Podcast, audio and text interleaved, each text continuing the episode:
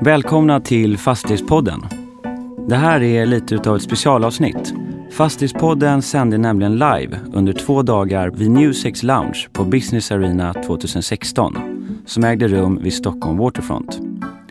I de här korta intervjuerna får ni en statusuppdatering och även en lägesuppdatering kring marknaden med några av de personerna som jag intervjuat tidigare i podden.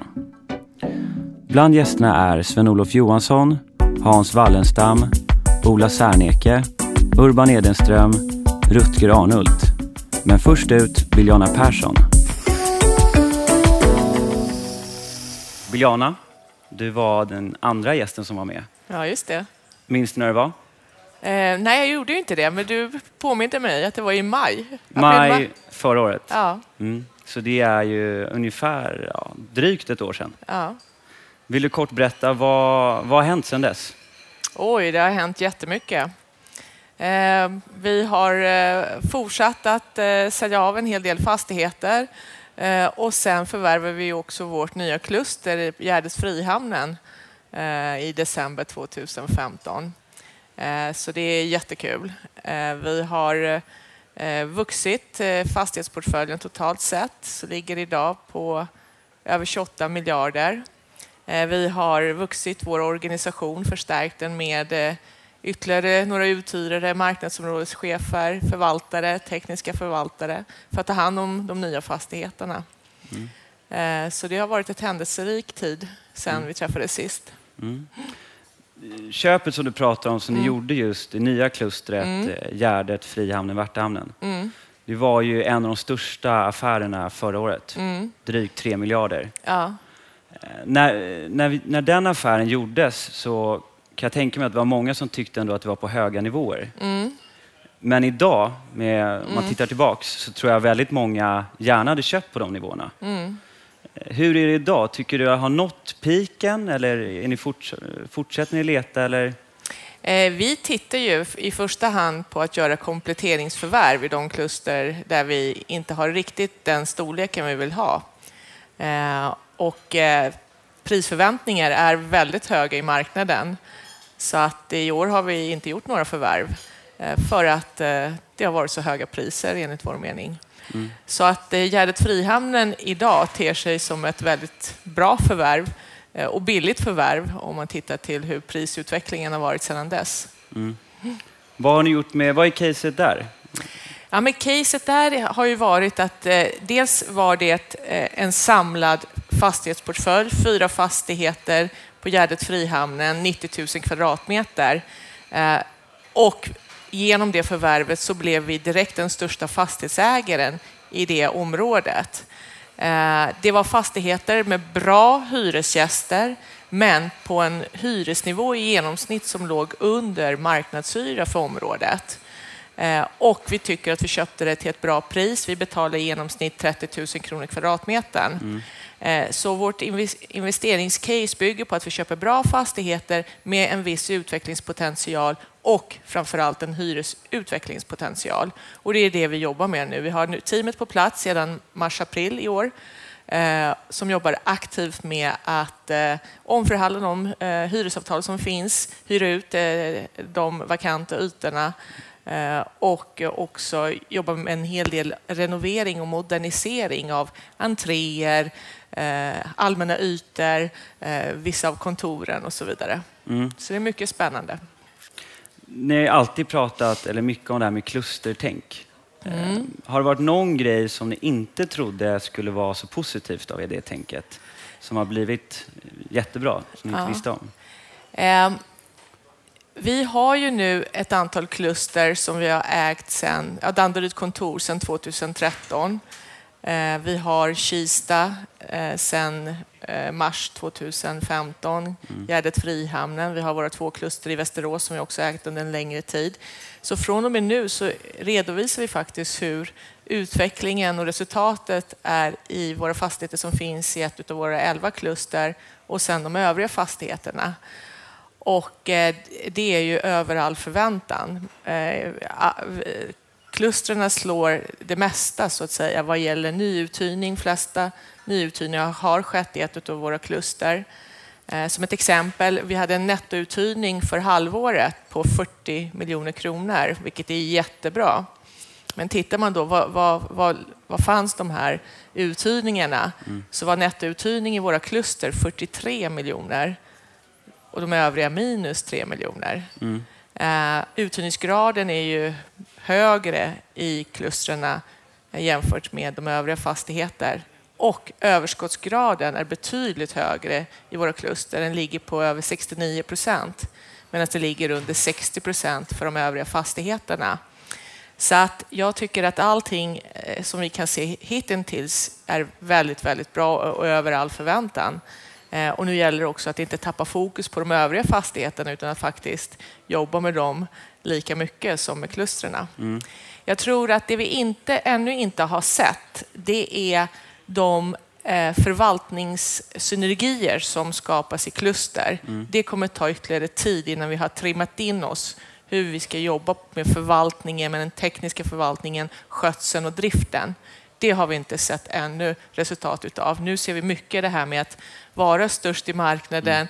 marknadsföra, vara top of mind, att det också genererar eh, kunder, hyresgäster, att vara på plats, jobba med befintliga hyresgäster och kunder och se till att de stannar. Det är det vi ser framför allt eh, resultatet av här och nu. Mm.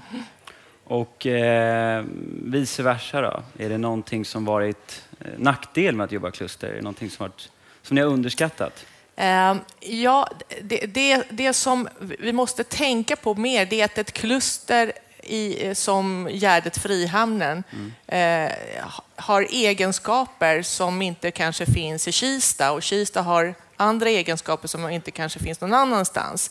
Så att varje kluster är unikt och, måste, och vi måste jobba med den utgångspunkten också. Mm. Det, det, finns liksom ingen mall som man kan applicera på alla våra kluster utan det är väldigt unika lägen, unika förutsättningar, helt olika hyresgäststrukturer till exempelvis. Jag menar i Kista eh, är vår, våra kunder och hyresgäster mycket inom information, kommunikation, teknologi. Mm. I Danderyd kontor så är det inte alls så, utan där är det mer kring forskning, läkemedel, konsulting och så vidare. Medan i Gärdet Frihamnen, ja där har vi mycket statliga hyresgäster, Tullverket, mm. Eh, vi har eh, mycket inom media, SVT och så mm. vidare. Så det är helt olika karaktärer. Så att, att jobba just utifrån den unika positioneringen, det kommer vara viktigt framåt. Mm. Hade ni underskattat just det? Att ni trodde det gick och någon standardmall? Nej, inte alls. Nej. Jag menar, vi har ju väldigt mycket byggt upp vårt, vårt klust, vår klusterstrategi utifrån hur man jobbar med köpcentrum. Mm. Och det är ju samma sak där. Varje köpcentrum är ju väldigt unikt. Det finns vissa grundelement som är likadana, men sen måste man jobba utifrån läget, marknaden, konceptet och så vidare.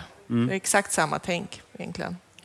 Ehm, jag kan tänka mig om det finns fastighetsägare här som tänker sig att det där med kluster, det måste man efterlikna. Det verkar finnas mycket synergier och bra mm. grejer med det. Mm. Är det så att det bara är att försöka kopiera eller måste man ha en kritisk massa i storlek? Ja, men vi, vi, vi tycker att det, behöv, det behövs, man behöver bli topp tre störst i, den utvalda, eh, i det utvalda mikroläget. Eh, för att kunna uppnå alla de här fördelar som kan finnas med ett kluster.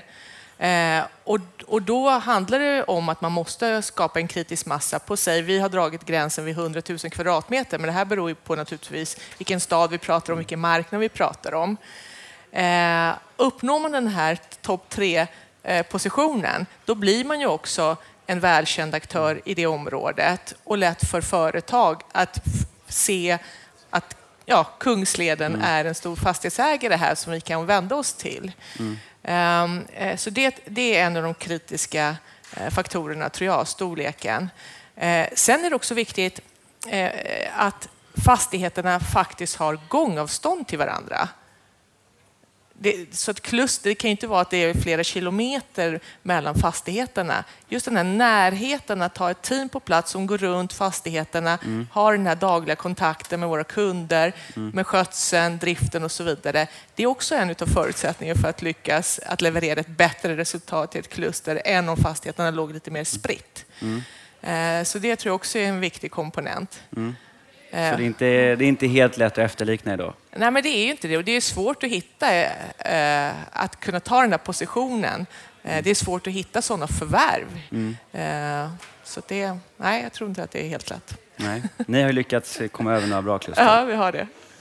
Eh, avslutningsvis några korta frågor som jag tänker ställa till alla gäster idag. Mm.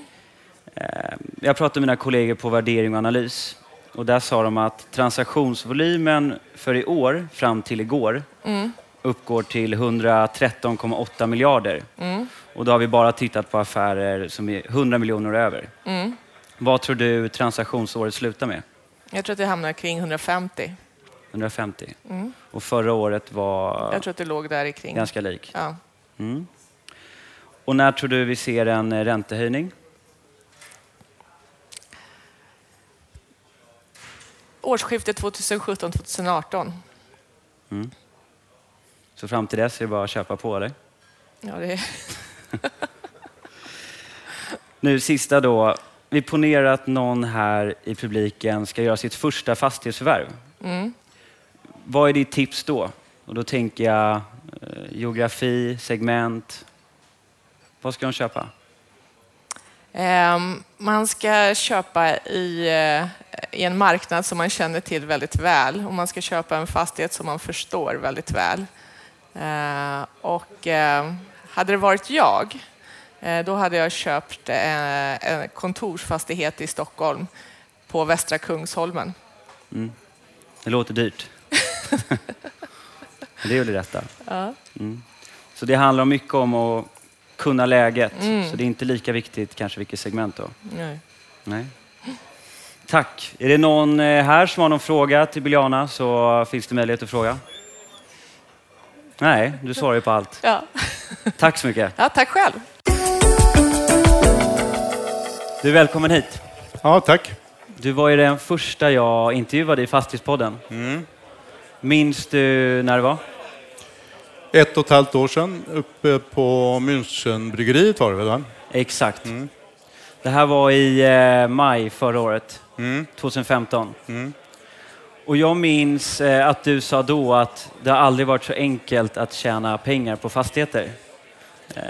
Nej, som en konsekvens av nollpris på den viktigaste råvaran, nämligen kapital, så är det inte så särskilt svårt.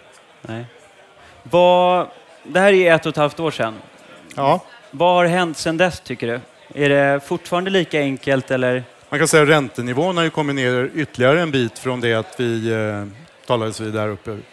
Och, eh, det gör ju att, eh, visserligen har ju yieldkompressionen också varit där, så att marginalen är väl ungefär densamma. Nu sista två, tre månaderna måste jag säga, då har ju prisnivåerna gått upp så kraftigt, så nu tror jag att marginalen börjar krympa ihop. Mm. Nu har du inte samma marginal längre på den investering som du gör. Framförallt inte i storstadsområdena. Men du och jag, jag minns att jag träffade dig här för exakt ett år sedan. Mm. Då pratade du om att du trodde att finansieringsmarknaden skulle tajtas till och att vissa kunde få det svårare. Eh, den tajtades till, framförallt i samband med årsskiftet förra året. Eh, sen, har den, sen var den ganska låst under hela våren. Sen har den kommit igen, igen nu under hösten. Framförallt då talar jag framförallt om kapitalmarknaden med, eh, där vi talar om att emittera obligationer och preferensaktier och den typen av instrument. Men varför har den blivit öppnare nu då? Varför går det plötsligt att... Vad var det som har hänt? För det... det tillkom ju hela tiden nytt kapital till marknaden genom att eh, alla våra stora centralbanker bedriver en extremt expansiv finanspolitik. Mm. Eller penningpolitik. Och du själv, om man tittar på Fast Partner, ni har inte gjort, ni har gjort ett stort förvärv eh, sen, sen vi träffades. Ja. Ni köpte av Brostaden för 900 miljoner. Ja. Det var, är det den typen av fastigheter ni letar efter idag eller tycker du allt är för dyrt idag? Vi har ju varit med och bjudit på flera fastigheter nu under hösten här som vi inte har fått. Eh, som har gått till priser som är väsentligt över, alltså fastigheter som ligger i närheten av det som vi redan har för att få en bättre förvaltningseffektivitet. Men de har gått väsentligt mycket högre än vad vi var beredda att bjuda. Och vi tyckte ändå att vi tog i. Så du ligger ganska stilla nu, eller? Ja, vi tittar ju istället, vi håller ju på och jobbar med det vi redan har. Vi investerar ju rätt mycket varje år i befintligt bestånd. Det ligger på mellan 500 och 600 miljoner om året. Och eh, sen börjar vi ju bygga bostäder från och med nästa år på egen mark.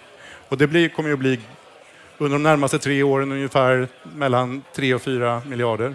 Mm. Så det är mer det ni fokar på än att eh, ja, köpa? Ja, i avvaktan på att, att marknaden kan ändras. Mm. Och när händer vi det? Vi tittar ju på en del affärer. Du och jag har ju tittat på någon affär som vi försöker göra. Ja. Den, den, skulle kunna passa in möjligen. Men eh, det ena får ju inte, får ju inte hindra det andra. Nej. Men vilka, om man tittar, alla letar idag, det känns som det finns mycket pengar. Vilka tror du är de som kommer kunna bränna sig när det vänder? Vilka är det som tror ligger lite farligt till? Det är klart, developers med väldigt litet eget kapital, eh, de är ju oerhört känsliga för förändringar på marknaden. Mm. Och eh, prisnivåerna idag på bostadsrättsmarknaden, det är ju helt oväsentligt egentligen vad priset är för konsumenten när kapitalet kostar noll. Du får ju en väldigt eh, kraftfull prisutveckling när det inte har någon större betydelse om jag betalar 20 miljoner eller 40 miljoner för en lägenhet. Mm. Kapitalkostnaden är nästan densamma. Mm. Mm. Och det där är ju en fara. Det behövs ju så oerhört liten justering på räntenivån förrän liksom den här toppdelen av marknaden är helt borta. Är det många som underskattar den risken? Ja, det är ju utan tvekan så. Man, mm. ser, man tittar ju alltid på den situation som du befinner dig i just i ögonblicket.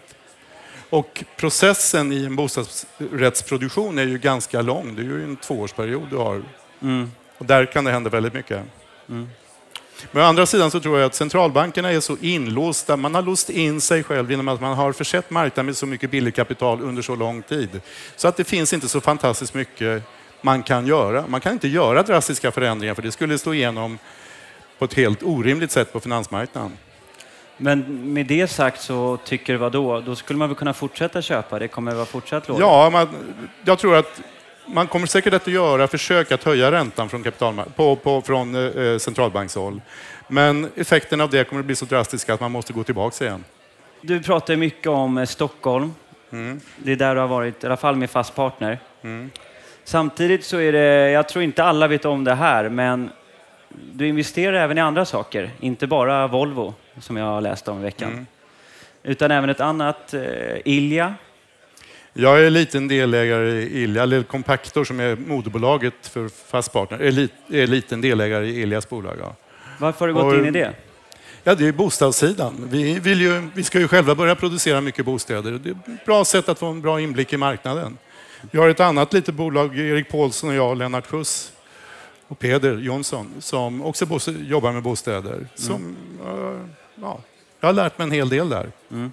Eh, Gimmel. Gimmel, ja. Mm. Men då, du vågar ändå, skulle du säga, du tror på inte bara Stockholm utan även andra orter förutsatt att det är segmentet bostäder? Det är klart att eh, Stockholm för oss, det gäller ju kommersiella fastigheter. Och jag skulle säga, jag, jag skulle inte bygga nya bostäder någon annanstans än i Stockholmsområdet. Så det är bara där vi tänker hålla på med, med bostadsproduktion. Mm. Mm. Eh, tre snabba frågor som jag frågade Biljana. Mm. Eh, om man tittar på transaktionsvolymen fram till idag, under 2016, så uppgår den till ungefär 114 miljarder. Mm. Då har du bara tittat på fastigheter över 100 miljoner. Vad tror du eh, transaktionsvolymen slutar för helåret? Alltså, fastigheter hamnar ju mer och mer i institutionella händer. Det gör ju att utbudet blir ju sämre och sämre. För en institution säljer ju nästan, eller väldigt sällan i alla fall, en fastighet. Så att Eh, tittar du på de här innerstadslägena, där tror jag liksom transaktionsvolymerna kommer att vara väldigt små. Eh, utan eh, det är andra typer av transaktioner som paketaffärer av retail-ytor, den typen av, av transaktioner. Så att, att det, det, finns, det går ju inte hela tiden, trots att priserna går upp så kommer ju inte transaktionsvolymerna att ständigt öka. Nej, men om du ändå får sätta en gissning? Men finansierings, eh, finansieringsförutsättningarna finns ju så, så att du kanske kan vara på möjligen en oförändrad nivå, men inte mera. Inte? Nej. Hur, vi pratade Jakob och dem om eh, internationella utländskt kapital. Kommer det öka eller kommer det minska? Har de svårt att komma in? Eller nu vad? ser man ju utländska investerare som är inne och köper primefastigheter i Stockholm. Ja. Det är ju nästan enbart den typen av kapital just nu. Men kommer de få loss den då? Kommer säljarna släppa det tror du? Ja, det finns ju en del som har begränsade investeringshorisonter, och som, alltså fonderna som har en placeringshorisont på kanske 7-8 år. När den kommer till sin ända så är det klart att den typen av fastigheter kommer ut. Det vi har köpt de sista två åren i Stockholm har ju nästan enbart varit från utländska investerare. Mm. Som just har nått den här mognadsperioden och då vill sälja. Men nu har vi ju inte köpt någonting på av någon omfattning för mer än av det här med Castellum då på sista ett och ett halvt året. Mm. Den, var, den portföljen var väl 30 procent vakans när du köpte ja. den? Är det någonting som räds när du köper eller vad, hur tänker du med vakanser? Och... Nej, det är ju det som gör att affären på sikt kan bli väldigt bra. Hur menar du? Ja, men där finns, då finns det ju en utvecklingsmöjlighet i fastigheterna. Du köper ju dem som om... Du får ju faktiskt vakanserna gratis i stort sett i en sån affär. Även i dagens marknad? Ja, den marknad som var i alla fall för åtta månader sedan. Mm. Vi gjorde den affären. Mm. Mm. Kanske inte idag? Kanske inte idag.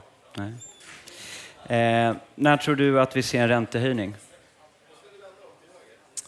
Jag skulle tro faktiskt att svenska Riksbanken kommer att eh, plocka bort de här 50 punkterna i minusränta och det kommer nog ske inom det närmaste definitivt året. Så man kommer upp på nollnivå, men sen tror jag man kommer att stanna där för en ganska lång period. För det här med minusräntan eh, skapar många andra effekter som inte tror jag, är bra för många andra marknader. Mm.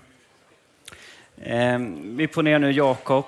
Han äger inga fastigheter idag, men han är extremt sugen. Han vill köpa. Mm. Vad är ditt tips till Jakob? Vad ska han tänka på för att inte kanske bränna sig? Vilket segment, vilken geografi? Jag skulle säga, titta på den där typen av mindre fastigheter som de stora institutionerna inte vill ha och i Storstockholmsområdet. Och eh, där det ser ut att vara lite risk, alltså där det är en hel del vakanser. Och, så, och sen försök hitta ett, eh, ha fantasi nog att se en annan användning av den fastigheten. Eh, för det finns ju ett segment av mindre affärer där sådana som de börsnoterade bolagen är inte särskilt intresserade. Eh, de utländska placerarna är definitivt inte intresserade. Men var i Stockholmsregionen, för där finns det en helt sanslös tillväxt. Och vi ser eh, efterfrågan på kommersiella lokaler ökar och ökar och ökar och du har ju haft en explosiv utveckling på eh, hyresnivåerna i, i innerstan. Mm. Och det där kommer ju sprida sig lite grann ut i utkanten också av Stockholm. Och då var med där ute, där, där man är relativt ensam, på oglamorösa fastigheter. Vad är det han absolut inte får göra då? Vad kan vara en riktig tabbe idag?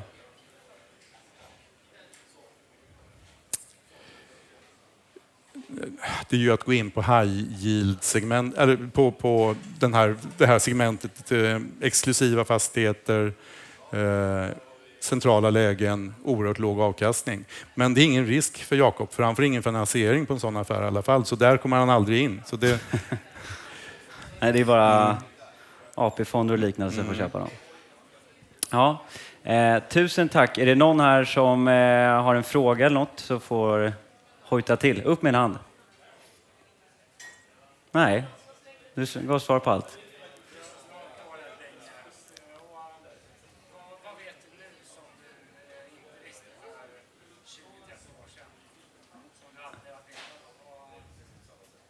Jag ska dra frågan allvar. Ja. Jakob frågade, vad vet du idag som du inte visste för 20-30 år sedan? Det är nog inte särskilt mycket egentligen. um. Man kom ju in, vi har ju, däremot så har det ju hänt fantastiskt, alltså osannolika saker under den här perioden. Både upp och ner, men framförallt den här, det här samordnade agerandet från som sagt, samtliga fem stora centralbanker som har eh, inneburit en helt ny verklighet för alla i den här branschen och den här oerhörda jakten på avkastning. Eh, och där det inte finns, tycks finnas någon nedre gräns för hur långt man är beredd att gå för att eh, nå yielder på 2-3 procent. Eh, det är klart att eh, ska jag placera i en government bonds idag så en tysk tioåring får jag minus 10 punkter på. Det finns ju till och med börsnoterade eh, företag idag som har lyckats emittera corporate bonds på minusränta. Mm. Och det är klart att då är man ju rätt så desperat att hitta avkastning. Mm. Och det är väl den stora förändringen nu och vad som inte fanns tidigare. Men som sagt det, sen har ju hela corporate bonds-marknaden, om man nu ska ta fram någonting som kan vara en risk. Eh, hela corporate bond-marknaden i USA har ju exploderat. Den ligger väl idag på cirka 4 000 miljarder, ungefär samma nivå som Feds balansräkning. Och där har man bara använt det kapitalet för att i stort sett eh, återköpa egna aktier. Så man har egentligen eh, omvandlat equity till, eh, till lån. Och det gör, den här marknaden måste hela tiden kunna rullas vidare. Mm. Om det skulle inträffa, att man inte... Säg att räntenivån i USA går upp så att en amerikansk government bond på tio år kostar 3, ger 3,5 procent. Eh, då börjar det bli ett klart alternativ till att eh, köpa en corporate bond som ger 4,5. Mm. Och kan man då inte rulla de här bondsen, då befinner man sig i en livsfarlig situation. Mycket värre än den här CDO-kraschen då för eh, 2008. Eh, eftersom här, amerikanska bolag har ju ingen kassa. Det är väl ett 50-tal bolag som har en normal kassa och av dem så är det väl fem, som har, fem bolag som har huvuddelen av den, den likviditeten. De andra har ju ingen likviditet och kan alltså inte med eget kapital lösa de här bondsen. Då får du en effekt som är väsentligt mycket större. Du får ju massa amerikanska bolag som går i konkurs. Mm. Och det där tror jag är den stora hämskon för Fed att inte göra någonting på räntesidan i, i allt för drastisk, eh, drastisk omfattning. Man känner sig för väldigt, väldigt försiktigt. Och det där är ju då garantin för att vi kommer att ha fort, fortsatt relativt låga finansieringskostnader även här. Mm. Men du pratar om utvecklingen som har varit från 90 i princip fram tills nu är historisk, hur alla värden har gått upp. Eh, ska då Jakob ens gå in i fastigheter om man inte har något? Är det liksom för sent? Kommer det fortsätta vara Nej, bra? Men just den där typen av fastigheter där du kan tillföra en egen kunskap av något slag. Där du köper någonting som innehåller mycket problem. Där kan du lita till din egen förmåga och då är du inte så beroende av hur finansieringsmarknaden ser ut. För köper du en fastighet där på, säg en en tom fastighet där du kommer in kanske en 4-5 tusen kronor kvadraten. Och sen så kan du göra någonting bra av den. Då har du ju en avkastning kanske på den investeringen på 15-16 procent. Det gör ju ingenting om eh, finansieringskostnaden åker upp till 4-5 procent. Nej. Så det, det, finns ju hela tiden, men då är det, ju, då är det mer upp till din egen kompetens och din egen eh, här, förmåga att hitta mm. nya lösningar. Mm. Är det det du gjorde likt, eh, du köpte några närliggande köpcentrum? Eh, Rinkeby? Ja, vi, vi köpte ju alla problemcentrum kan man säga som Boltbybröderna hade. Och de köpte vi för under 5 000 kronor kvadraten. Det var Tensta, Rinkeby, Hässelby, eh, eh, vad var det mer? Älvsjö och eh, något ytterligare centrum. Vallentuna? Nej. Nej. Bredäng. Och eh, de där köpte vi på 32 miljoner ungefär i driftnetto. Idag har vi ett driftnetto på över 80 miljoner. Och vad har du gjort? investerat ytterligare 150 miljoner, eh, fått en helt annan logistik i fastigheterna, fått en helt annan eh, nivå på kvaliteten i fastigheten, fått ordning på hyresreskontran. Egentligen bara gjort det som man skulle ha gjort tidigare. Och, och eh, idag vill de där fastigheterna värda minst det dubbla som vi köpte dem för, inklusive investeringen. Men en sån där grej du pratar om, man gör om... Ja, det kan man säga. Det är en sån grej som Jakob ska göra. Ja, Jakob ska göra. men är det en sån idé? Kommer det lite från eget, så här, men det här är dina tankar, det här borde man kunna göra? Är det inte svårare än det så? Det finns fortfarande den typen av affärer att göra, tror jag. Mm. Det gör det. Mm. Ja, du, eh, tusen tack. Ja, tack. Vi träffades för tio månader sedan ungefär, tror jag det var. Det släpptes. Ja. Eh, och kul att ha dig här först och främst.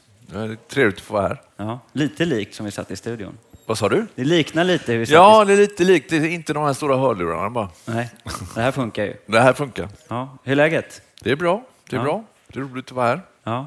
Hur, eh, vad gör du när du är uppe i Stockholm? Är det bara var det bara för Fastighetspodden eller har du andra ärenden? Detta var bara för Fastighetspodden. Ja, det var det? Ja. Ja, det är bra. Nej, men hur gör du? Du kommer upp hit, betar av? Nej, men nu var det ju för att det är Business Arena. Så man är, jag kom upp i morse och så är jag här tills imorgon. Mm. Hur, kan du inte berätta lite, tio månader sedan vi träffades. Eh, det känns som du är en sån som tycker det är väldigt dyrt just nu. Det har man väl en förmåga att tycka hela tiden på något sätt. Men eh, just nu är det ju ganska extremt. Eh, alltså, mark, vi såg i er dragning här i förmiddags att, att byggrätterna har gått upp oerhört mycket på de sista två åren. och Så, där. så det, det är en väldigt het marknad. Mm. Och hur jobbar ni då? då? Det är en utmaning varje dag. Alltså, vi jobbar ju med att producera nya hyresrätter och det är klart att kostnaden är ju väldigt betydelsefullt där, att hålla nere produktionskostnaden mm. med bra kvalitet. Eh, så att eh, det är markpriser, det är entreprenadpriser, det är underleverantörer, det är allting. Så är, man får jobba hårt att försöka få ihop hyresrättens kalkyl. Mm. Men jag var inne på samma med Biljana, Kungsleden. Mm. Eh, de köpte ju ganska stora förvärv under 2014, 2015. Mm. Som man, om man nu tittar var till ganska rimliga nivåer jämfört med vad de hade gått för idag. Ja. Kan du känna att ni har missat det, det racet lite? Kan du ångra nu i efterhand att ni inte har varit lite mer aktiva på transaktionssidan? Nej, alltså vi, vi började den här inriktningen för många år sedan. Och vi, vi är inte aktiva i den utsträckningen på transaktionssidan. Vi har ju sålt lite grann för, om, mellan en och två miljarder varje år mm. till, till bostadsrättsföreningar eller andra aktörer. Mm. Och vi satsar ju att köpa mark eller jobba med byggnationen och vi har ju köpt ganska mycket mark eh, under de senaste åren. Så att det, vi har en, en portfölj på, som vi jobbar med med runt 13 000 lägenheter som vi ska så småningom bygga. Så att vi har en ganska stor markreserv och så är man väl mer aktiv kanske om det blir lite tuffare tider och så kan man vara mindre aktiv när det är som mm. nu kanske. Mm. Om man blickar framåt då, hur känner du? Eh, tror du att det kommer vända? Sven-Olof pratar om ett scenario där man kanske kommer vara fortsatt låga räntor framöver för att det inte finns något, man är inne i en hörna så att säga. Man ja, alltså man är ju i en ny era nu. Så att eh, det är klart att det kommer vara fortsatt låga räntor. Eh, det tror jag också, fast jag tror ju inte, inga träd växer till himlen så att det kommer ju komma någon form av sättning i marknaden. Sen om det dröjer ett halvår eller om det dröjer tre år eller om det dröjer fem år, det vågar jag inte säga. Men eh, det, det, det fort, de tio år framåt kommer inte vara samma sak som de tio år som har varit. Nej. Sven-Olof eh, gick in, bland annat liten delägare i Iljas bolag. Eh, fokusera på bostäder mer, inte bara i Stockholm och Göteborg, utan det finns ju även mindre orter ute i Sverige. Ja. Um, han är också en förespråkare av Stockholm i vanliga fall. Men ändå just sa han om bostäder, det kan man ändå, den nischen kanske går ut i landet. Ja. Ni har ju sålt av, ni hade ju Helsingborg, det släppte ni helt nu. Varför tror du inte på eh, de här mindre orterna? Eller vad? Jo, jag tror absolut på de mindre orterna också på sitt sätt, men, men vi, våran fokus, alla har ju sitt fokus, vårat fokus är Stockholm och Göteborg. Och det är lite grann ur, ur krisen som var på 90-talet, att blir, det en darrig marknad så fungerar alltid de stora marknaderna. Så att jag, vi kommer fokusera på Stockholm och vi har en sån position i Stockholm och Göteborg så att vi kan fokusera på det. Vi har ju produktionen, vi kommer vara en årstakt kanske på 2000 lägenheter här inom något år eller två.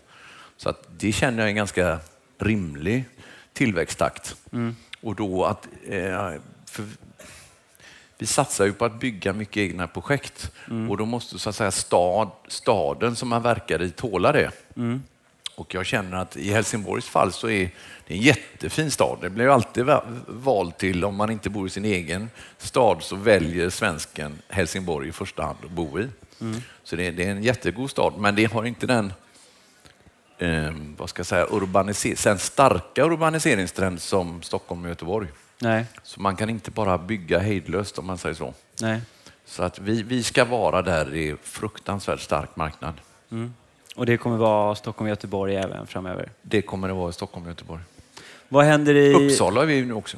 Har ni kommit in där? Ja, det... ja. ja. vi bygger just nu 450 lägenheter där. Ja.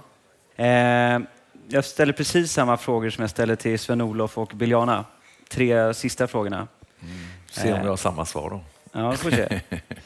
jag hörde inte deras. Nej, då får vi se. Transaktionsvolymen fram till igår Eh, om man tittar på fastigheter över 100 miljoner mm. så uppgår den till ungefär 114 miljarder. Vad tror du transaktionsåret slutar med om man tittar på helår? 200 kanske. 200? Då är du optimistisk. Nej, men Ja. jag tror det kommer fortsätta året ut. Biljana tror jag sa 150. Ja.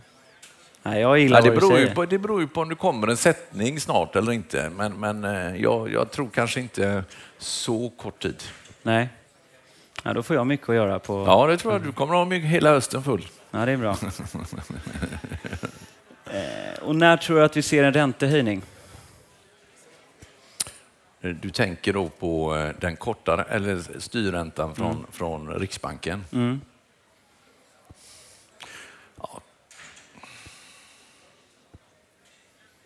Ja, inte inom... Ja, alltså, jag hoppas ju att de kommer upp till noll så snart som möjligt så att man inte har nega, för det, det, det påfrestar liksom banksystemet för mycket tycker jag. Eh, Så att om man säger att man kommer till noll, eh, sen så tror jag det ligger där en stund. Alltså, så en fyra, fem år tror jag den kommer ligga på en nollränta. Sen tror jag att tioårsräntan kanske kommer gå iväg några punkter över tid. Men, men eh, vi, vi har en lågräntemiljö i många, många år, det tror jag. Mm. Det låter som du hade lyssnat på Sven-Olof och härmade hans svar. Okej, Ja, exakt likadant. alltså. Mm, var väldigt likt. Eh, sista frågan då som jag ställde till Sven-Olof och Biljana. Vi ponerar nu att det finns någon här som inte äger en enda fastighet men vill in i fastighetsbranschen, så köpa sin första fastighet. Vad är ditt tips till dem? Vad, vad ska de köpa då? Segment, geografi, vad ska de akta sig för?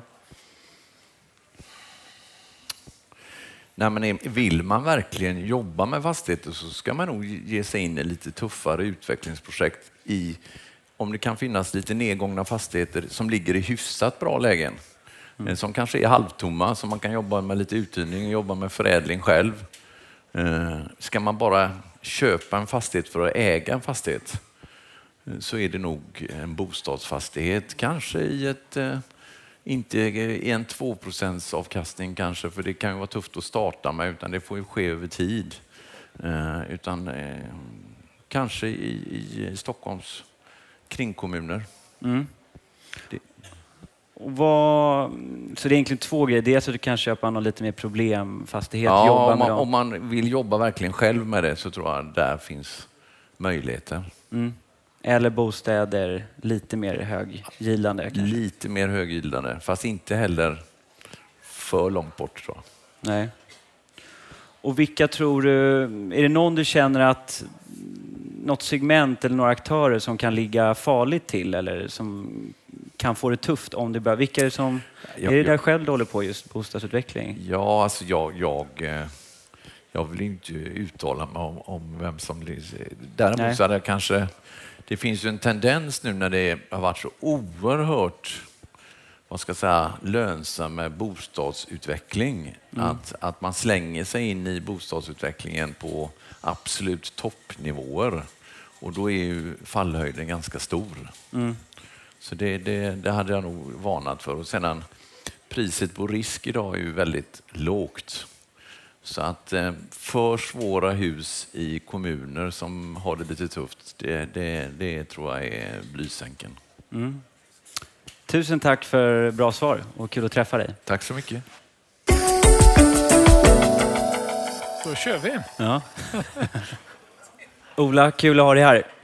Detsamma. Kul att du kommit hit. Ja, jag följer upp egentligen med de som har varit med i Fastighetspodden Ja. och eh, mer för att få en liten eh, statusuppdatering vad som händer.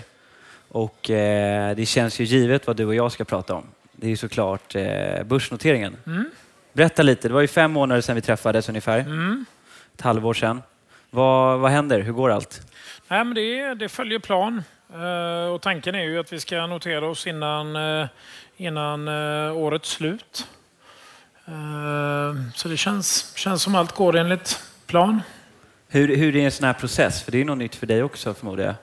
Ja, nej, jag, jag har ju aldrig varit med om det förut. eh, Men, men det är mycket, mycket givetvis allt med riskkontroll och att man ska eh, ha policies för allt och, och se till att hantera alla frågor på ett visst sätt. Eh, och det, jag måste säga att det har faktiskt varit väldigt givande. Det har varit, gett oss väldigt mycket rutiner, eh, än mer rutiner som faktiskt har varit, varit av nytto. Berätta lite mer. Jag träffade Fredrik Holmström Ja. i podden. Ja. Magnolia. Mm. Han berättade just att eh, ett bolag som från början var ganska litet, Ja. så är det växt väldigt fort och de Mm. gjorde också börsnotering. Och han berättade hur man måste sätta strukturer, Mm. sånt som man kanske aldrig annars eh, tar tag i. Ja. Sen, sen är det ju lite skillnad på kraven också mellan, mellan de olika listorna också. Vilken lista är det? Eh, vi, vi ska ju in på huvudlistan. Eh, så det är klart att där är det ju hårdare krav än vad det är på First North. Ja. eh, med mycket. Så eh, inte för att det är komplicerat det, men det är, lätt, det, det, det är mer, mer krav på, på huvudlistan. Hur tror du, är det till din- fördel? Passar det dig eller kommer det bli, hur kommer livet vara som börsbolag? Nej, alltså jag, det är klart att det kommer bli viss skillnad, men å andra sidan så tror jag att det är, det är faktiskt det är nyttigt också, för man lär ju sig olika beslutsprocesser. Tidigare så har det varit, har det varit givetvis mycket jag som har bestämt allt hela tiden när det gäller stora frågor. Men nu så måste man respektera att det ska gå i, i rätt ordning och att det ska gå genom affärsområdescheferna och upp till koncernledningen och sen om det är riktigt stora beslut så är det styrelsen som får besluta till syvende och sist. Då. Du gillar ju att det går ganska fort. Ja. Kommer Men det, det går att göra sådana processer snabbt också, bara att- men att man har tillräcklig tid att bearbeta det. Så att man, det är ju bara att man eh, får se till att vara snabb på allting och att man är tillräckligt effektiv och, och, op- optimera sin tid. Så den, den ser jag inte som något sånt där jätteproblem faktiskt. Nej. Eh, när du väl är där och Mm. ringer klocka får man göra va? Inte det ska? Ja. Ja.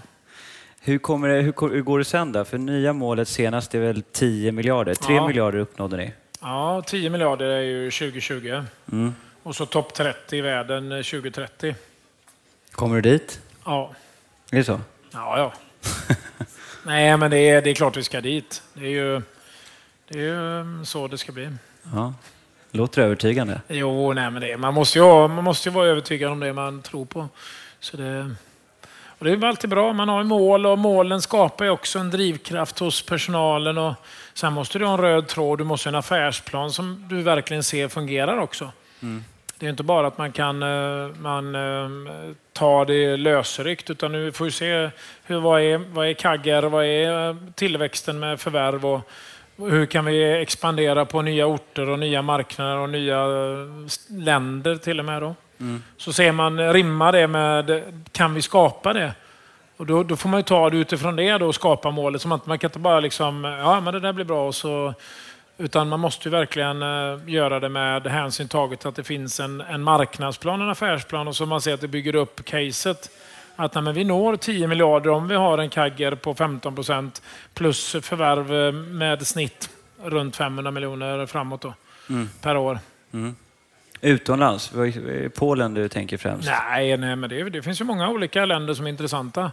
Du har många projekt, framförallt har du ju i Göteborg, ett Ja. väldigt eh, spektakulärt. Ja. Hur går det där? Ni har börjat sälja lägenheter? Ja, bokningsavtal, där har vi ju... Ja, det är ju, det är ju ett, ett, eh, i och för sig ett eh, trevligt bekymmer, men vi har, vi har så...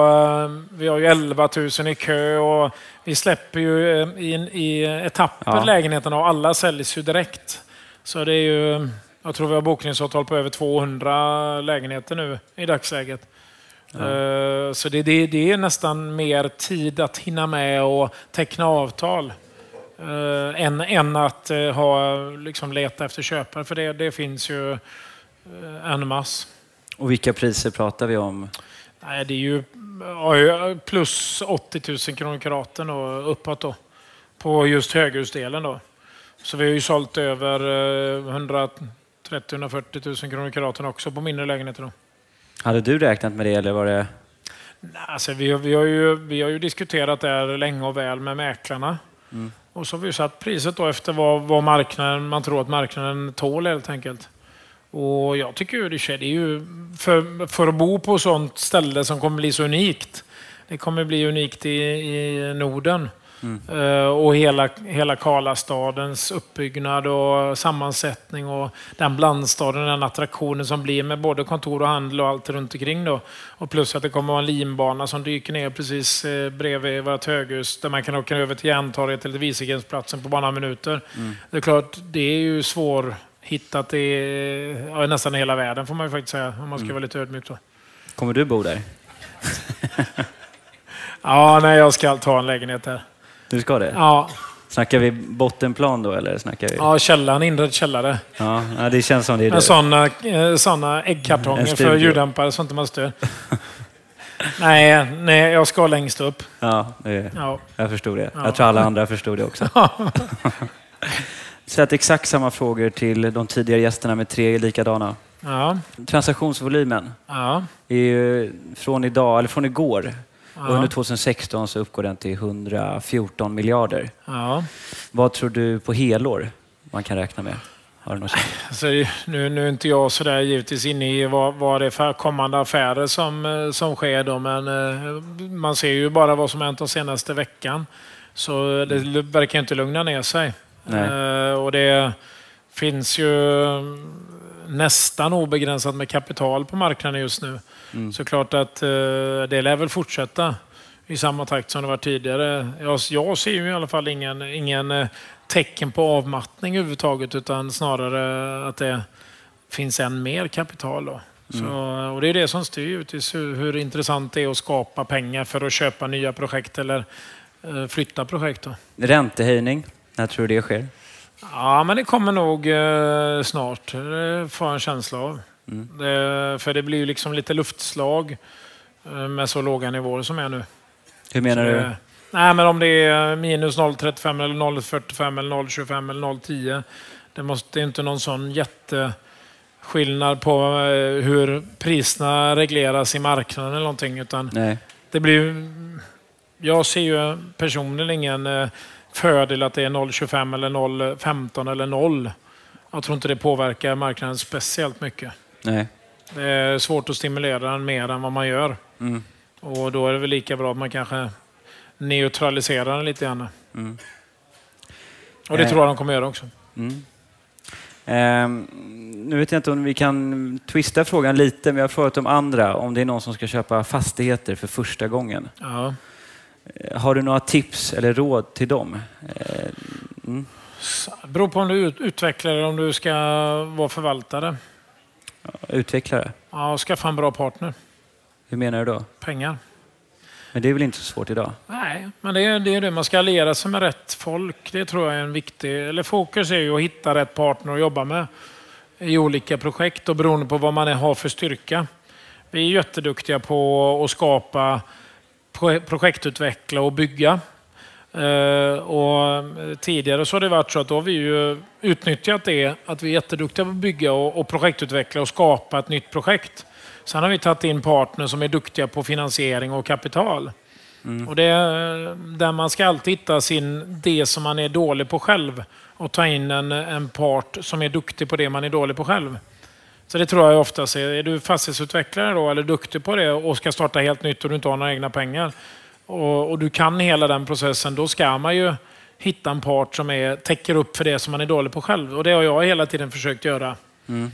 Så eh, Svårare är väl att hitta vad man är dålig på då? Ja, jag behöver ju inte täcka upp med något då, så det... nej. nej, nej, skämt åsido. Nej, men, nej, men, eh, nej, men givetvis. Så det, det är ju där eh, vi tidigare har haft eh, en upptäckningsbehov eh, behov då. Att det är klart vi växer och vi tar in, köper mer fastigheter och utvecklar. Och, och ju, ju starkare man är, desto mindre beroende blir man av andra. Och så till slut så är, står man på egna fötter totalt sett. Då. Och, eh, och sen kan man istället gå in i joint venture-projekt istället. Då. Mm. Där man är helt likasinnade in i, in i avtalet istället. Då. Mm. Så det tror jag att starta från början, ta in en partner på det man är dålig på tills man är tillräckligt stark. När man är tillräckligt stark så binder man joint venture med sådana som man vet tillför någonting men på lika villkor istället. Då. Att, man, att man är ett plus ett till tre. Då. Mm. Så det, det tror jag på som en taktik då för sådana som börjar på nytt. Mm. Om man tittar på just byggsidan, om man har ett byggbolag eh, som går, man slick, tuffar, det är svårt att komma upp eller det är svårt att eh, accelerera och få de här stora projekten. Vad, vad gör de för fel? Eller är det något så här grundtips som du tycker många byggbolag gör fel som du skulle ha tips om? Nej, jag tror inte de... eh, jag, jag har ju varit i diskussion med många som har, som har varit i den situationen som vi var för eh, kanske fem sex år sedan. Där man ligger på kanske då 500 miljoner i omsättning och så, och så inser man inte vikten av att ha en organisation som kan sköta det som är backoffice-funktionerna med HR och kvalitet, miljö, IT, säkerhet, eh, allt sånt. Den strukturen som man måste ha när man blir så stor. Och så missar man eh, att det blir, får man tio diskussioner med tio olika kategorier. Att man har eh, problem med egenkontroller på kvalitet, man har problem med arbetsmiljö någonstans och man har en HR en organisation som man börjar få lite luckor när det gäller, när det gäller eh, kollektivet eller mm. tjänstemanna. Någon som har eh, sjukdom eller någonting och så adderas det här på då så det blir för mycket samtidigt som några projekt går dåligt. Då, då, och du inte har någon, någon stabsfunktion som hjälper dig med de här frågorna mm. som man måste investera i då för att kunna ta nästa steg. Mm. De, de går det ju dåligt för ofta då. Eh, man, man tror att det är lätt att omsätta 700 miljoner, 800 miljoner. Men så glömmer man av att man måste bygga upp en organisation för att orka fall det blir tio saker som blir jobbiga. Mm. Eh, som man måste ta i. Och då spelar det ingen roll hur duktig man än är för då hinner man inte med. Nej. Utan då accelererar problemen och så istället så faller det ut i projekten. Mm. Och så blir projekten dåligt och så hinner du inte med betalningar och så vidare. Och eh, flödet på den dagligdags verksamheten blir lidande på grund av andra eh, problem i bolaget. Då, som mm. kanske inte är relaterat till direkt produktion. Då. Nej. Så, Var du själv i den situationen? Nej, så vi, vi, eh, vi har väl inte... Jag, jag tycker den jobbigaste tiden i expansionen var ju just mellan, de, mellan 300 och 1 miljard. Då, för då, då var man ju tvungen att anställa in så mycket folk som höll på med sånt. Mm. Men som tur var så, så eh, hade man ju den insikten att så kommer det att bli. Mm. Och då, då gjorde man ju det lite tidigare. Så vi anställde då HR och kvalitet, miljö, arbetsmiljö, IT och sånt som vi bara insåg att nej, men nu är det egentligen för mycket. Men vi får ta den kostnaden för att vi ska kunna ta oss dit. Då.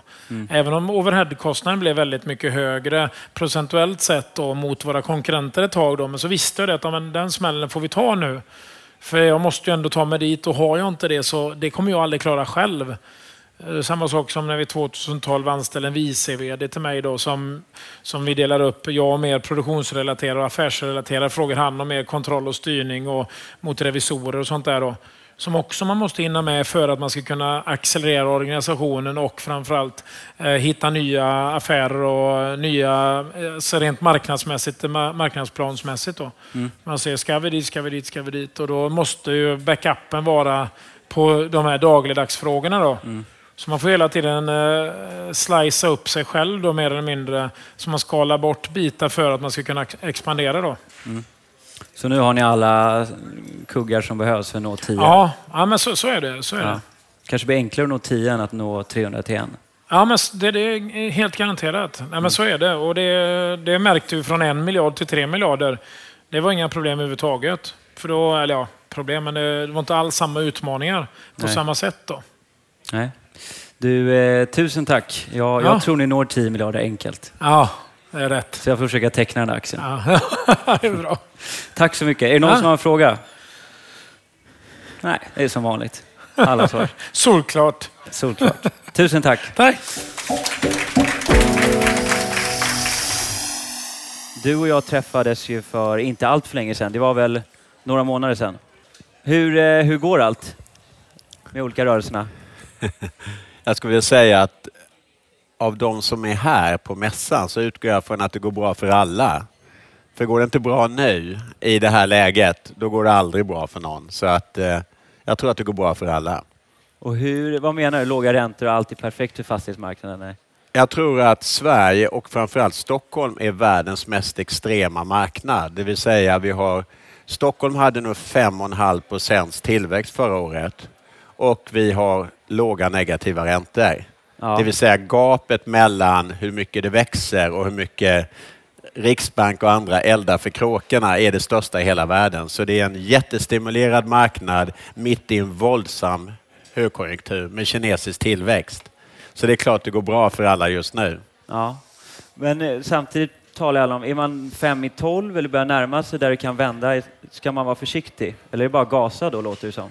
Jag tror att det är det kommer ju en Black Swan på något sätt, men det är ju ingen som kan, eh, det är ju ingen som, eh, som kan säga vad det är. Så man får väl glädjas så länge det varar. Men det är klart att det inte kommer att hålla på så här i all evighet. Vi är så att säga den vi har kinesisk tillväxt och enorm stimulans från Riksbanken. Ja. Det kan ju sluta illa. Vad, jag pratade med Sven-Olof och Biljana och dem igår också om det. Är det något eh, segment eller eh, som du tycker man ska vara försiktig eller som du tror eh, kan vara farligt att vara inne i? Man ska vara försiktig. Det finns ju ingenting som säger att räntor eller annat ska gå upp i det korta perspektivet, men det är klart att vi har bland världens absolut högsta bostadsrättspriser. Och eh, byggrätten för bostadsrätt är ju liksom en option ungefär som aktiemarknaden, så det är klart blir det dramatiska förändringar där så blir det ännu mer på, på markpriserna. Men eh, det är väl bara att hoppas att alla som håller på hinner ur sina positioner innan det händer någonting. Men det är klart, det är jättehöga. Jag sitter också i Ekne Stockholms New York styrelse och vi har ju känt att det varit ganska trögt sedan maj Ja. eh, med vissa typer av objekt. Eh, Säljarna tror ju fortfarande att man ska ha lika mycket betalt, men alla, köparna köper inte riktigt det på alla objekt. Nej. Så att eh, är man på nedre botten och inte har balkong och allt det där, då är det ganska trögsålt nu, redan nu. Vi pratade om, eh, när jag intervjuade dig så pratade om att du har ju ändå investerat ganska mycket i det här workaround och även Tessin. Eh, mycket med digitaliseringen. Går det, går det, sen vi träffades var det några månader sedan, går det så fort att det kommer hända hela tiden nu?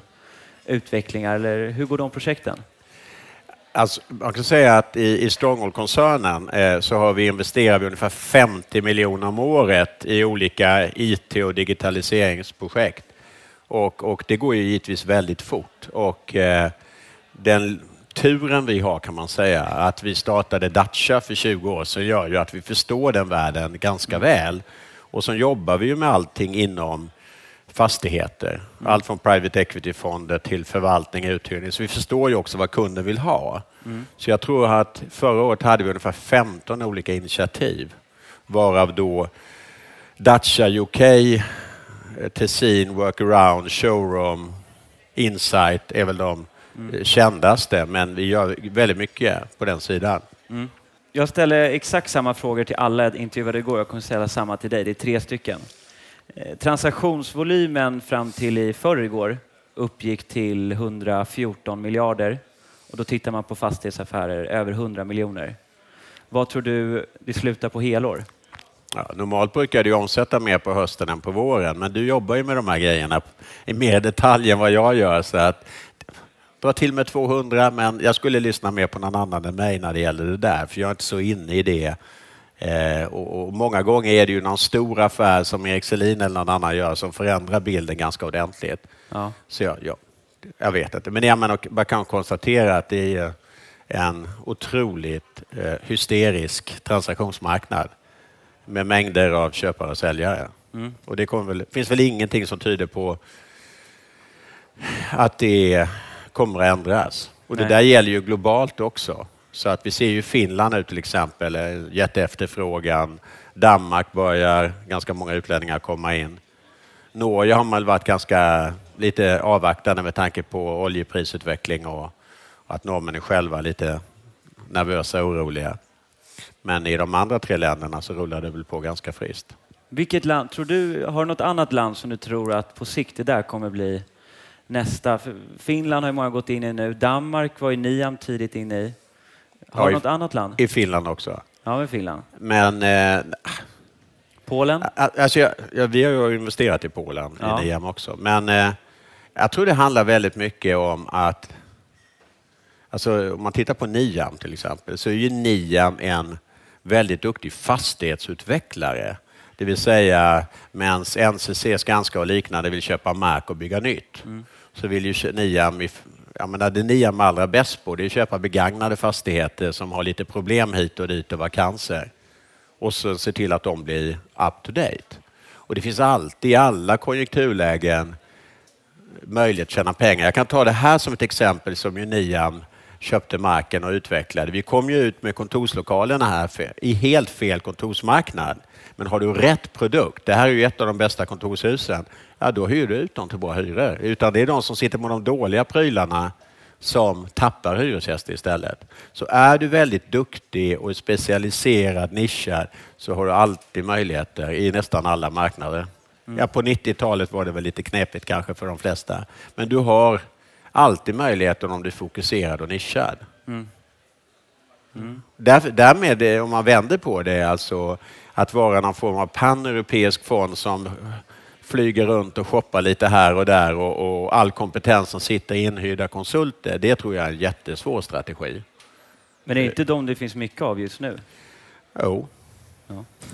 Men det, vi säljer ju mest till dem i nian. Ska man köpa av dem, av dem om några år sedan? Nej, men de är ju, om man tittar på de globala fonderna så, så vet jag ju att till exempel Blackstone är ju, har ju lyckats jätte, jättebra, har ett jättefint track och de är ju helt globala.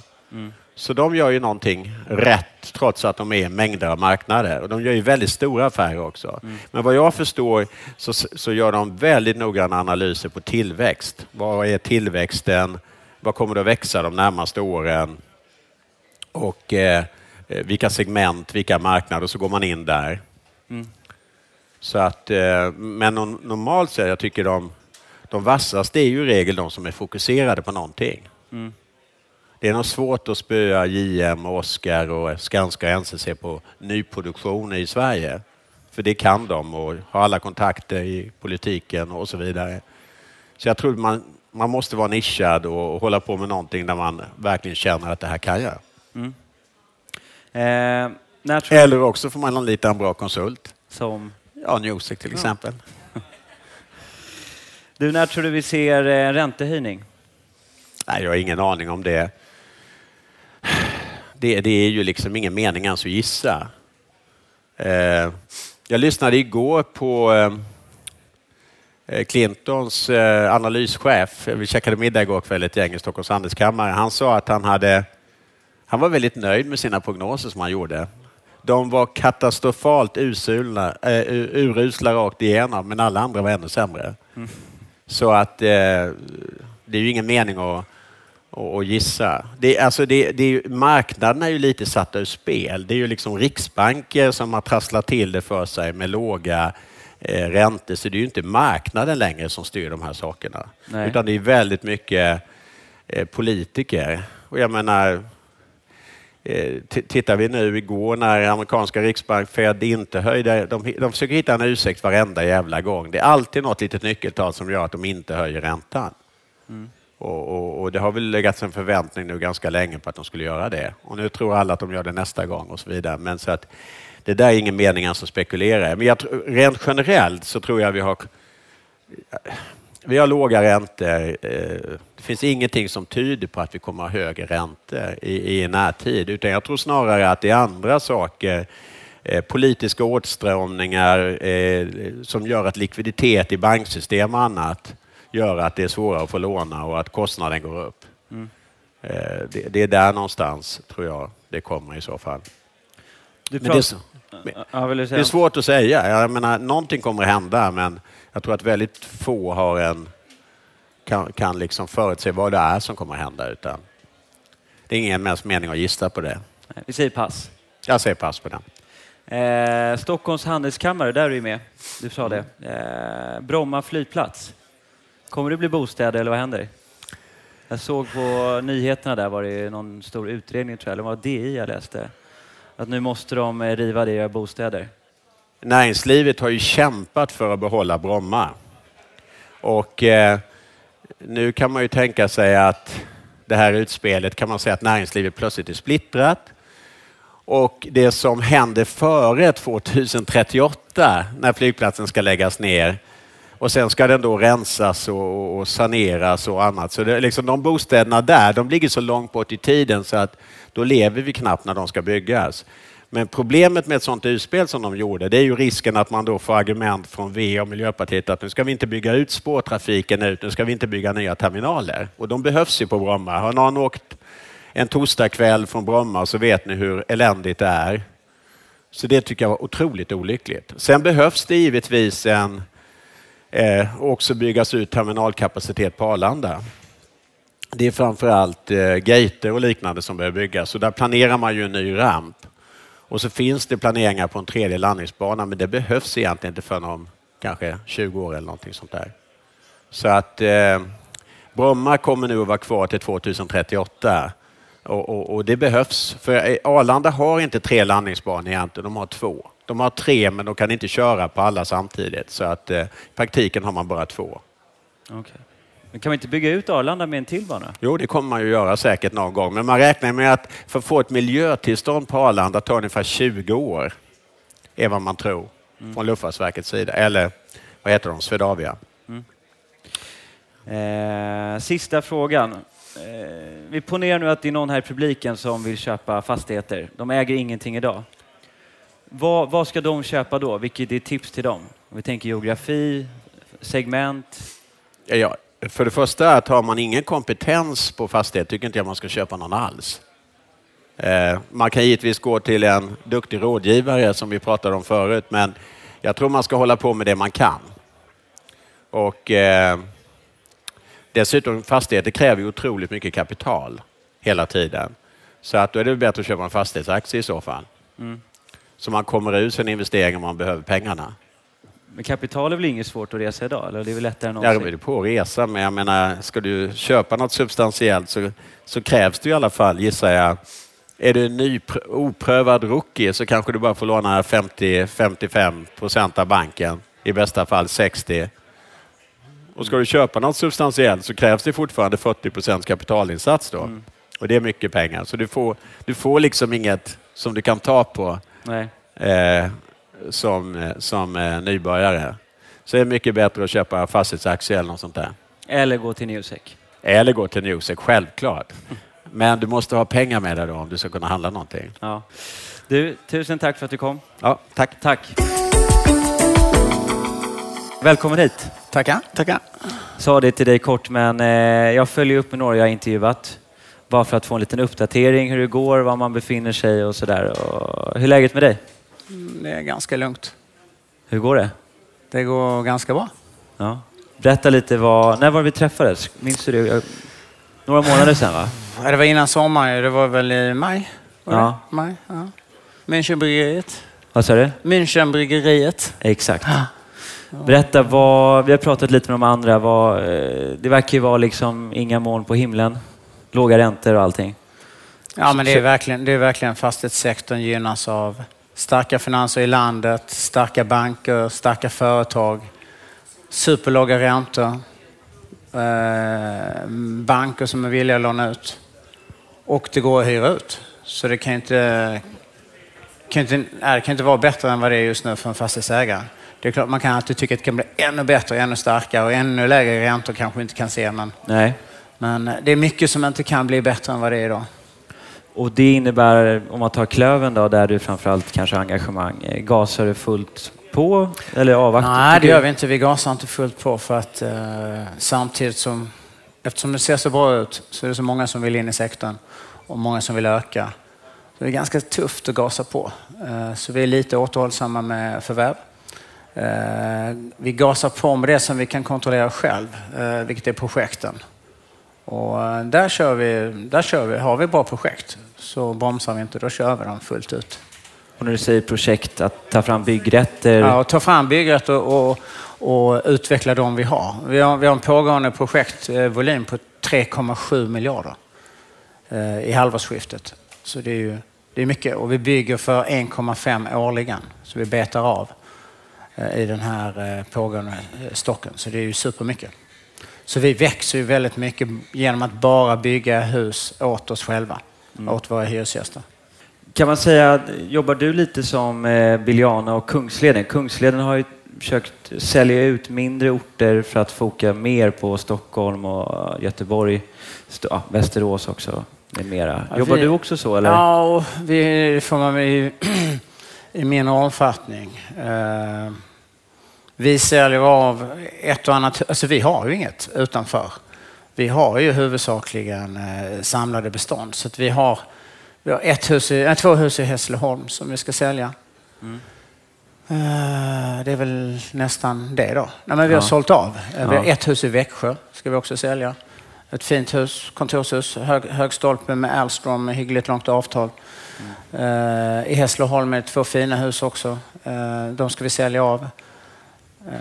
Det ena med handel, det andra med kontor. Så, men det, det, det, det, är bra grejer men det ska på något sätt är väldigt långt att pendla dit. Vi har haft dem länge. delvis berodde på att vi hade en förvaltare som pendlade från Hässleholm till, till Malmö.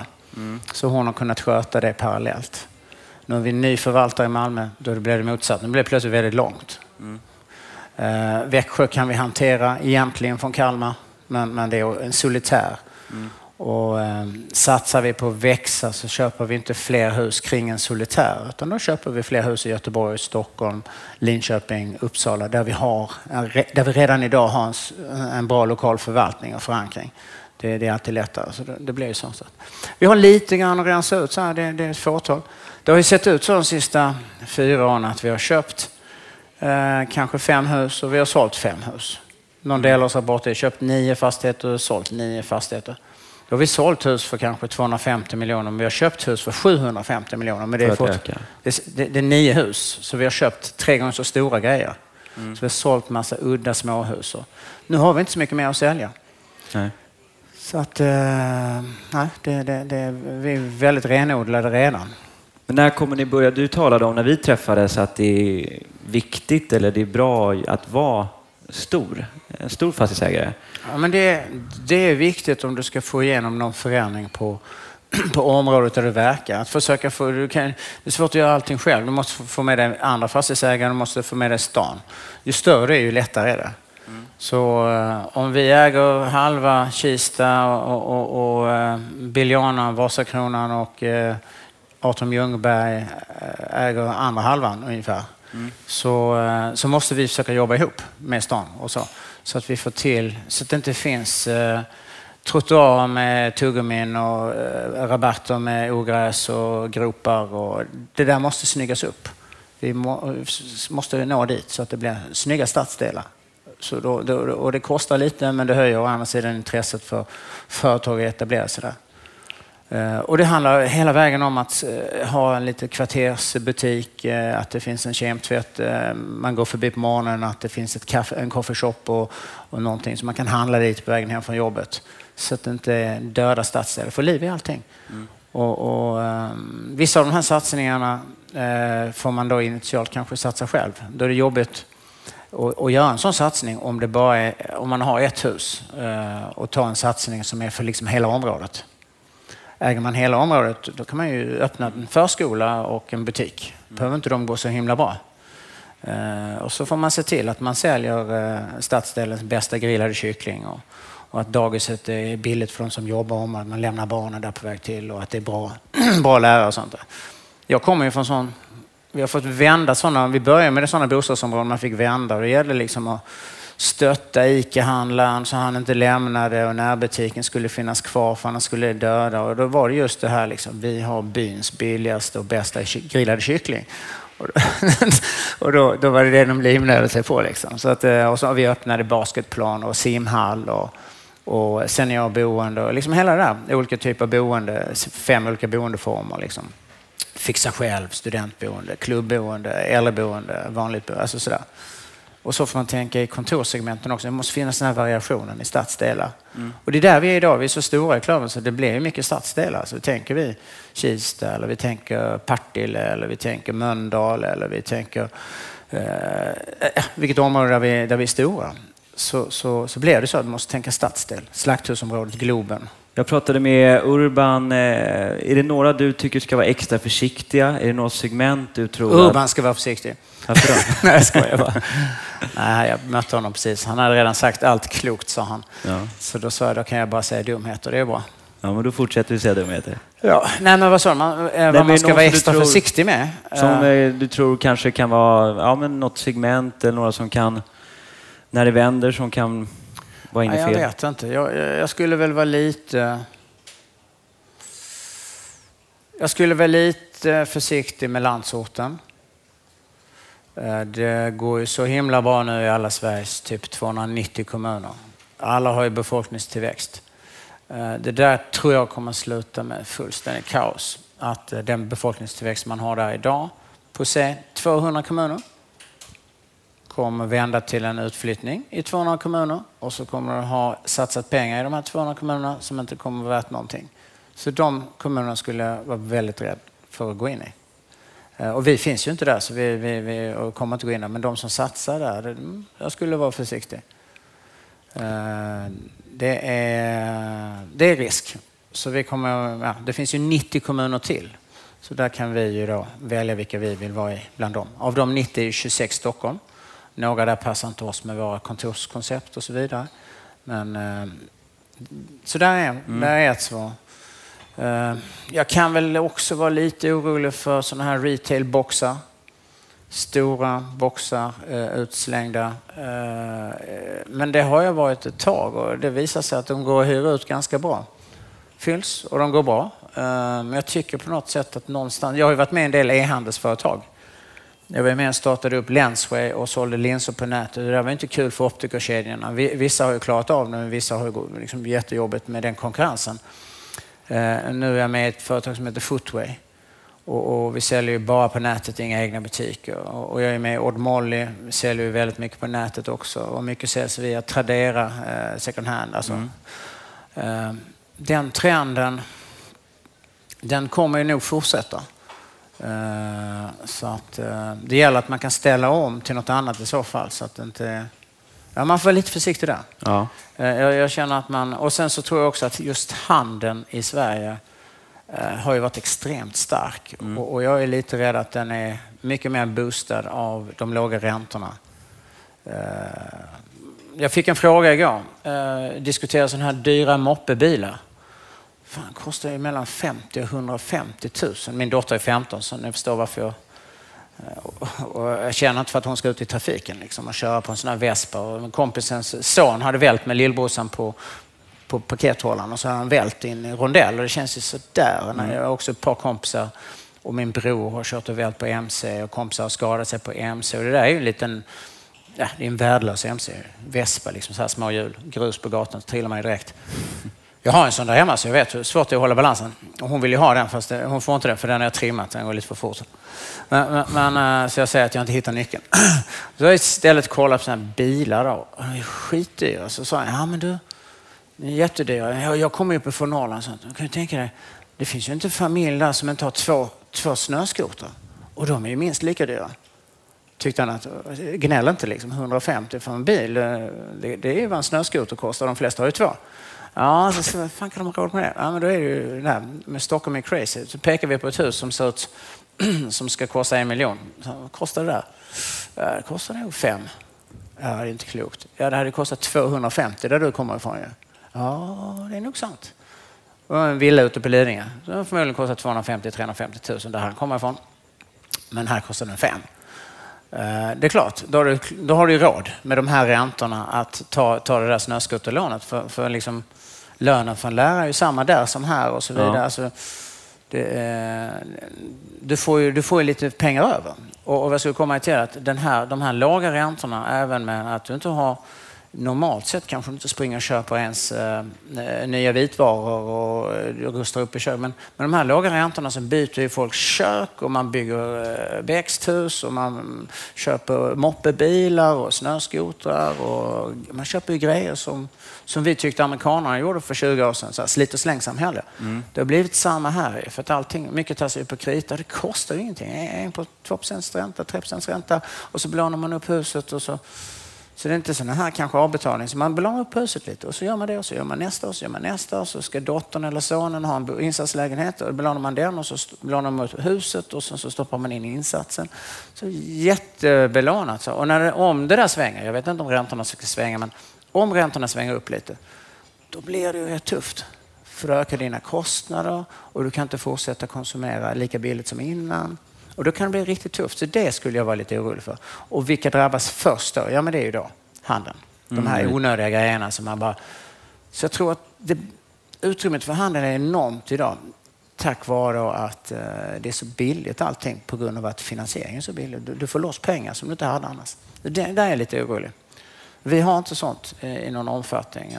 Vi ska inte gå in i det heller. Nej. Du har... ja, han... Mm. Jag har avslutat med tre identiska frågor till alla gäster, varav en var just räntor. När ser vi en räntehöjning, tror du? Svårt att se. Uh, vi ser väldigt mycket uh, vi ser väldigt mycket i omvärlden som dämpar räntetillväxten. Som gör att vi inte får den där tillväxten som vi skulle vilja få och som håller ner priserna. Uh, så, så, att, svårt att säga. Omöjligt att säga. Eh, vi kan i varje fall konstatera att vi har extremt låga räntor idag. Sen tror jag inte att en, en höjning till nollränta eller till 1 procents ränta skulle påverka jättemycket.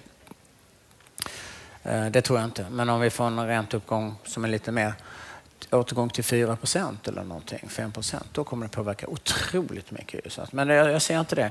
Men en, en, en, mindre återgång tror jag inte får någon jätteeffekt. Men om man sen börjar tro att den ska sticka iväg, då kommer det få en jätte, jättestor effekt.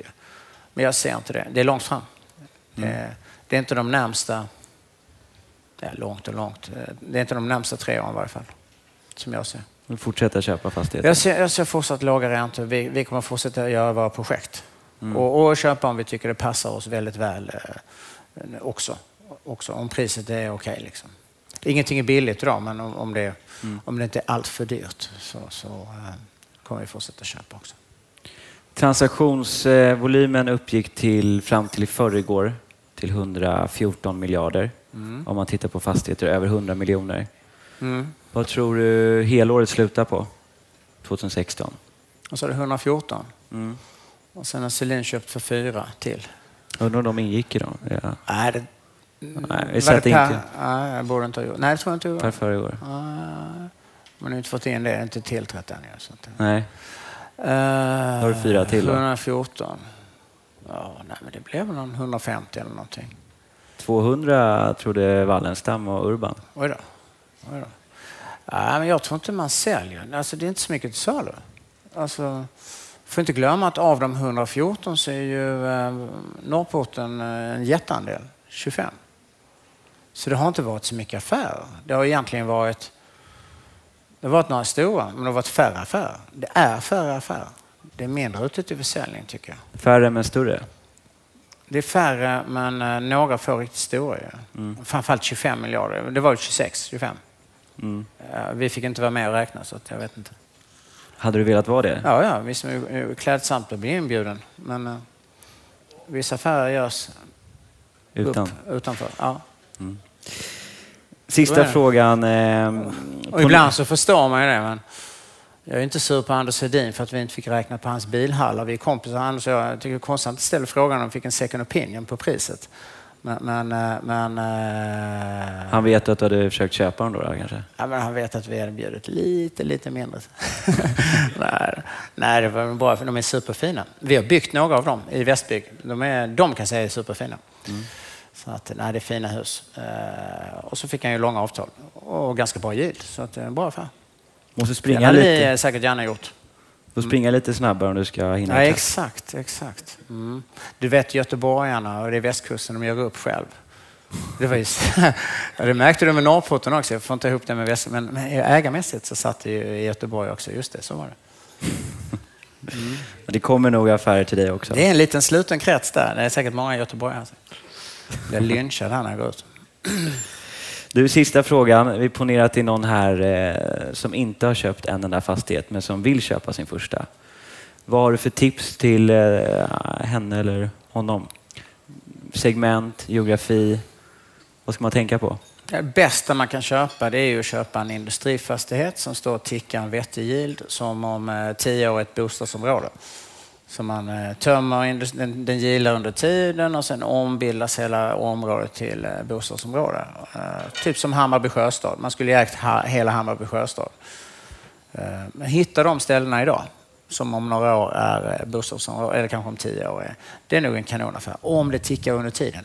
Det är lite jobbigt om man köper mark som inte då är planlagd för mm. bostäder idag, så vet man inte. Och så är det prickad mark, så kanske det är föroreningar, man, man har ingen aning. Men, men, men um, någonting som tickar, uh, blir det ingenting så är det ändå bra, det tickar på. Uh, och så då Stockholm, skulle jag nog sagt, uh, då är det minst risk att det blir fel. Även de tråkiga områdena i Stockholm blir ju nästan till slut bra. Nu, nu är det till och med tryck ute i Farsta liksom, på eh, industrilokaler. Och, alltså det trycks ju ut. Sånt som var omöjligt att hyra ut för några år sedan är det idag flertalet intressenter att slåss om att hyra och du kan höja hyresnivåerna. Så det, det, det, men sån här tillväxt som vi har i Stockholm så, läker, så, så kan du, kan du betta lite på det. Så det tror jag. Och sen ett annat råd är väl att eh, vara var väldigt förberedd när du kommer till banken. Så inte banken tycker att du är fladdrig, att du inte har koll på siffrorna eh, och att du gissar och antar för mycket. För de, de är rätt tuffa. Är du bara kontrollerad där hos banken så kan du få låna, annars får du inte låna.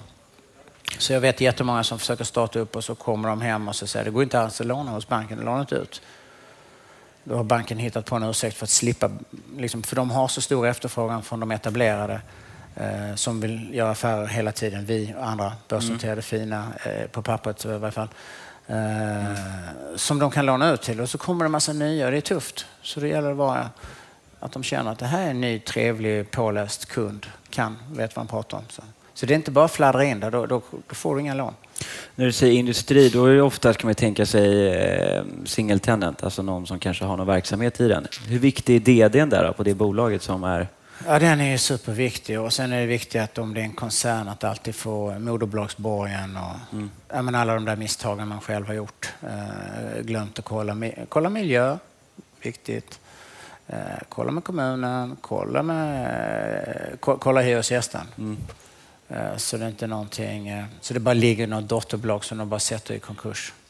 Vi hade ju till och med Experts huvudkontor och, och eh, svenska huvudkontor och ändå så låg det knuffat. Tänker man, ja men det är moderbolagen, ja, men det var ju bara, vi hade ju huvudkontoret men det var ju nerknuffat i en dotter och så satte man det så fick man inget och så lever kedjan vidare i Finland och Norge och så sätter man Sverige. Eh, nu, nu var det inte en sån lokal som vi var så oroliga över, för den låg mitt i, liksom, så det hyrde vi ut. Men, men eh, sådana grejer kan ju vara förödande om man köper en single tenant-fastighet. Det här var bara en kontorsyta, mm. inte så stor heller. Det hände för några år sedan. Då blev man så här, fan, har till och med en sån kedja packat det på det sättet? Eh, de är sluga. Mm. Hyresgästen också. Mm. Så vi måste också vara eh, på hugget där. Ja, du, ja. Eh, tusen tack för att du Tack själv. Tack själv. Tack. Kul att så många tagit del av de marknadsrapporter som finns på Newsecs hemsida under fliken Insikter och rapporter. För er som ännu inte hunnit kika på dessa kan jag verkligen starkt rekommendera att göra det. Som vanligt, håll utkik på www.newsec.se fastighetspodden för att se vem som blir nästa intervjuperson i podden. Vi hörs! Fastighetspodden spelas in och produceras på Beppo ljudproduktion